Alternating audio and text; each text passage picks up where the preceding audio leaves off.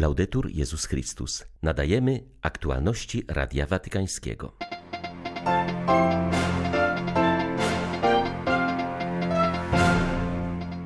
W przesłaniu na Światowe Spotkanie Ruchów Ludowych Ojciec Święty przedstawił wielkie marzenie o bardziej sprawiedliwym świecie, w którym jest miejsce dla wszystkich. Dzisiaj mija 43. rocznica wyboru Karola Wojtyły na papieża.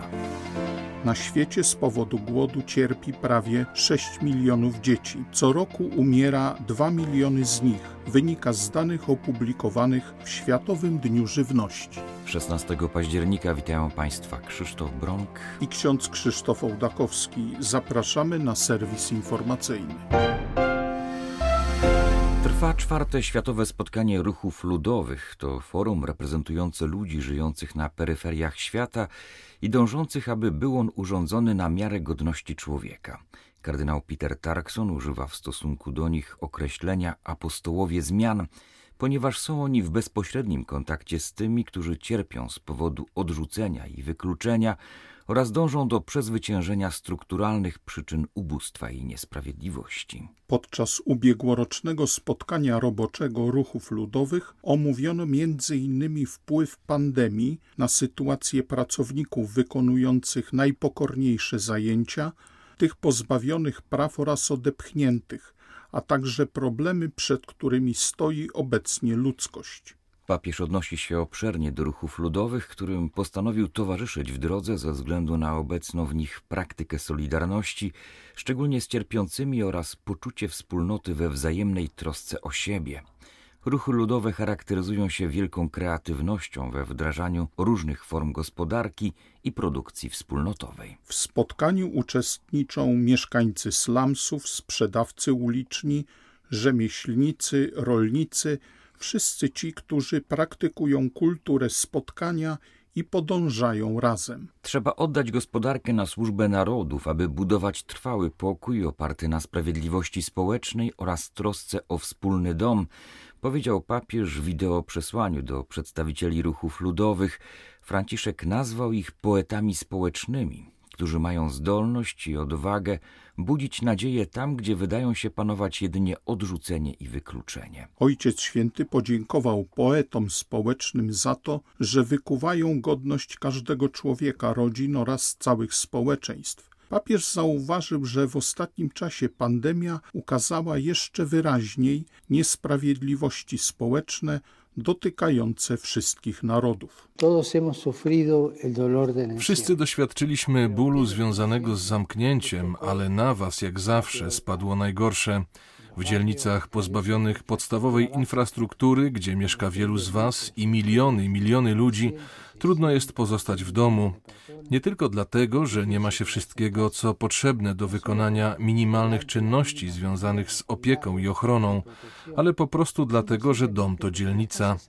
Migranci, osoby nieposiadające dokumentów, pracownicy dorywczy bez stałych dochodów, zostali w wielu przypadkach pozbawieni jakiegokolwiek wsparcia ze strony państwa.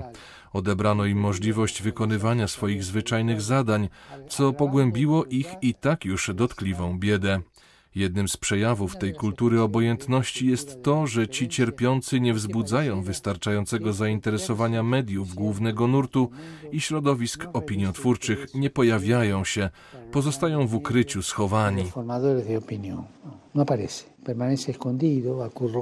Papież nazwał ruchy ludowe niewidzialną armią, tą częścią ludzkości, która walczy dzisiaj o życie z systemami rozsiewającymi śmierć. Społeczeństwa są wezwane dzisiaj do nawrócenia i zerwania ze strukturami grzechu.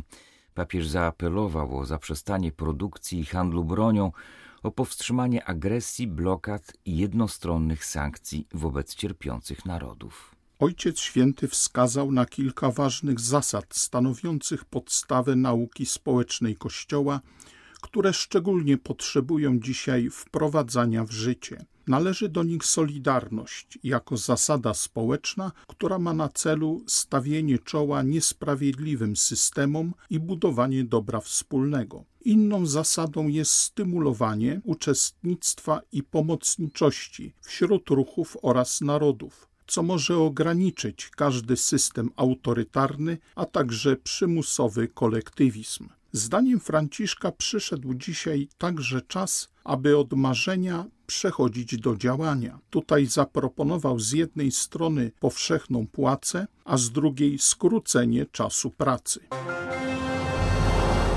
Mijają 43 lata od wyboru kardynała Karola Wojtyły na papieża. 16 października 1978 roku o godzinie 18.18 .18 z komina nad kaplicą sykstyńską wydobył się biały dym po siedmiu czarnych. Na kwadrans przed godziną 19 kardynał Pericle Felici ogłosił wybór metropolity krakowskiego, który przyjął imię Jan Paweł II, tym samym stając się 264 następcą świętego Piotra. Abemus papam eminentissimum ac reverendissimum dominum Dominum Carolum Sancte Romane Ecclesiae Cardinalem Boitiva.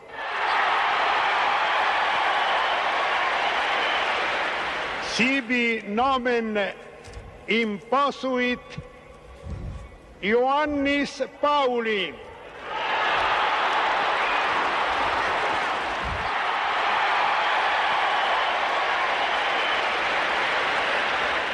Wybrany w trzecim dniu konklawy kardynał Karol Wojtyła był pierwszym od 455 lat papieżem spoza Włoch. Papież Franciszek odwiedzi Asyż 12 listopada na dwa dni przed piątym Światowym Dniem Ubogich.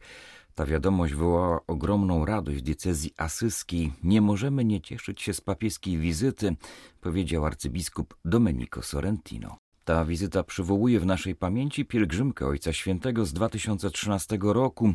Gest ten jest znaczący również dlatego, że w międzyczasie sam papież chciał, aby spotkanie w ramach ekonomii Franciszka odbyło się w Asyżu.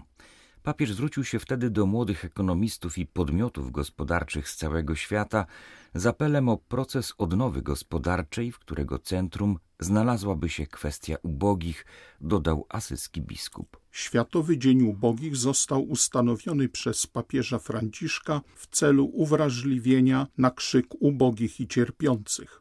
Obchodzony będzie w tym roku w niedzielę 14 listopada. Dziś w Kordobie miała miejsce beatyfikacja Juana Eliasa Mediny i 126 innych męczenników ofiar hiszpańskiej wojny domowej. Ksiądz Juan został aresztowany niedługo po wybuchu konfliktu. Razem z 14 osobami zginął zamordowany przy bramie cmentarza w Castro del Rio. Miał 34 lata. Przed śmiercią wybaczył swoim prześladowcom i zawołał Viva Cristo Rey, niech żyje Chrystus Król. Do tego zawołania wykrzyczanego tuż przed śmiercią przez setki męczenników hiszpańskiej wojny domowej nawiązał w homilii kardynał Marcello Semeraro. Świadomość, że Chrystus pokonał śmierć, ożywiała ich i dodawała im sił w heroicznym wyznawaniu wiary, zauważył prefekt Kongregacji Spraw Kanonizacyjnych. W hiszpańskiej wojnie domowej łącznie zginęło około 500 tysięcy osób, a 300 tysięcy musiało uciekać z kraju. W wyniku prześladowań Kościoła katolickiego zamordowano 12 biskupów, ponad 4 tysiące księży, prawie 2,5 tysiące zakonników i niemal 1,5 tysiąca zakonnic.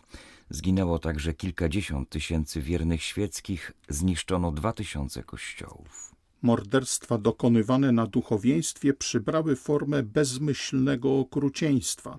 Księży torturowano, grzebano żywcem, bezczeszczono zwłoki. W 1946 roku ujawnione zostały także liczne gwałty na zakonnicach. Świat przegrywa walkę z głodem. Na świecie ponownie wzrasta liczba ludzi cierpiących i umierających z powodu niedożywienia. W sposób szczególny dotyczy to dzieci. Jak podaje Save the Children, statystycznie co 15 sekund gdzieś na świecie umiera z głodu jedno dziecko. Najnowsze dane dotyczące plagi głodu zostały ogłoszone w związku z obchodzonym dziś Światowym Dniem Żywności. Aktualnie głód cierpi prawie 6 milionów dzieci poniżej piątego roku życia. To dwa razy więcej niż w roku 2019. Co trzecie dziecko na świecie jest niedożywione. Co roku dwa miliony z nich umiera z powodu braku pożywienia. Plaga głodu obejmuje wciąż nowe rejony świata. Szacuje się, że brak bezpieczeństwa żywnościowego dotyka dziś 40 milionów osób. Dramatyczne dane na ten temat potwierdza również w rozmowie z Radiem Watykańskim rzecznik prasowy Światowego Programu Wyżywienia Martin Penner. Głód w świecie niestety stale rośnie. Mamy dziś 811 milionów głodujących ludzi na świecie. Jeśli popatrzymy na statystyki z ostatnich lat, to widać wyraźnie, że głód zmniejszał się do roku 2017.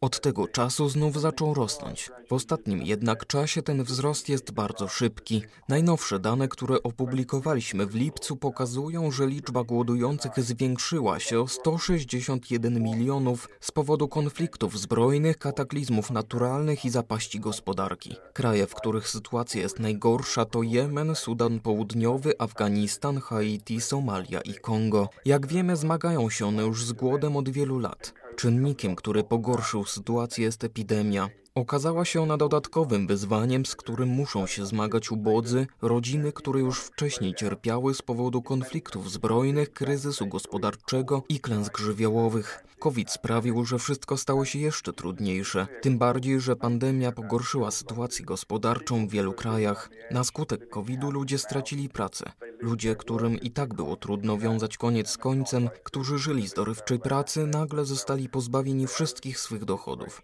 Ich sytuacja pogorszyła się jeszcze bardziej. Z okazji przypadającego dziś Dnia Katakumb można w Rzymie zwiedzić siedem nekropolii znajdujących się w różnych miejscach miasta. Katakumby to korzenie naszego chrześcijaństwa, powiedział ksiądz Pasquale Jacobone z papieskiej Komisji Archeologii Sakralnej. Inicjatywa obejmuje ścieżki edukacyjne, warsztaty dla dzieci oraz oprowadzanie z przewodnikiem. Dziś wieczorem w kościele świętej Agnieszki sprawowana będzie Eucharystia przez kardynała Gianfranco Ravasiego, przewodniczącego papieskiej Rady Kultury. W niedzielę otwarte dla turystów będą także starożytne podziemia chrześcijańskie w innych częściach Lacjum, takie jak Nepi czy Rignano Flaminio. W wydarzeniu można wziąć udział bezpłatnie, mówi ksiądz Pasquale Jacobone. Gdy cztery lata temu papież Franciszek powołał mnie na sekretarza komisji, zdałem sobie sprawę, że katakumby są zapomniane, zwłaszcza przez wspólnoty chrześcijańskie, które odwiedzają Rzym. A są to przecież korzenie naszego społeczeństwa i dzisiejszej kultury, korzenie chrześcijańskiej Europy. Warto ponownie zaproponować to doświadczenie jako kontakt z pierwszą wspólnotą chrześcijańską Rzymu. Sami Rzymianie nie wiedzą prawie nic o tym, co znajduje się pod ich stopami. Darmowe zwiedzanie katakumb może być okazją, by bardziej uświadomić sobie to bogactwo nie tylko artystyczne czy archeologiczne, ale przede wszystkim bogactwo przekazu. Katakumby są trochę jak Twitter. Ich symbole, proste znaki, dzięki swojej zwięzłości przekazują istotę wizji świata i rzeczywistości, życia pozagrobowego, a jednocześnie dają nadzieję, pozwalają nam wejść w rzeczywistość wiary chrześcijańskiej i na poziomie komunikatywnym są bardzo skuteczne. Są jak pieczęć i marka, starożytny logotyp tego, czym jest chrześcijańskie życie. Były to aktualności Radia Watykańskiego. Laudetur Jezus Chrystus.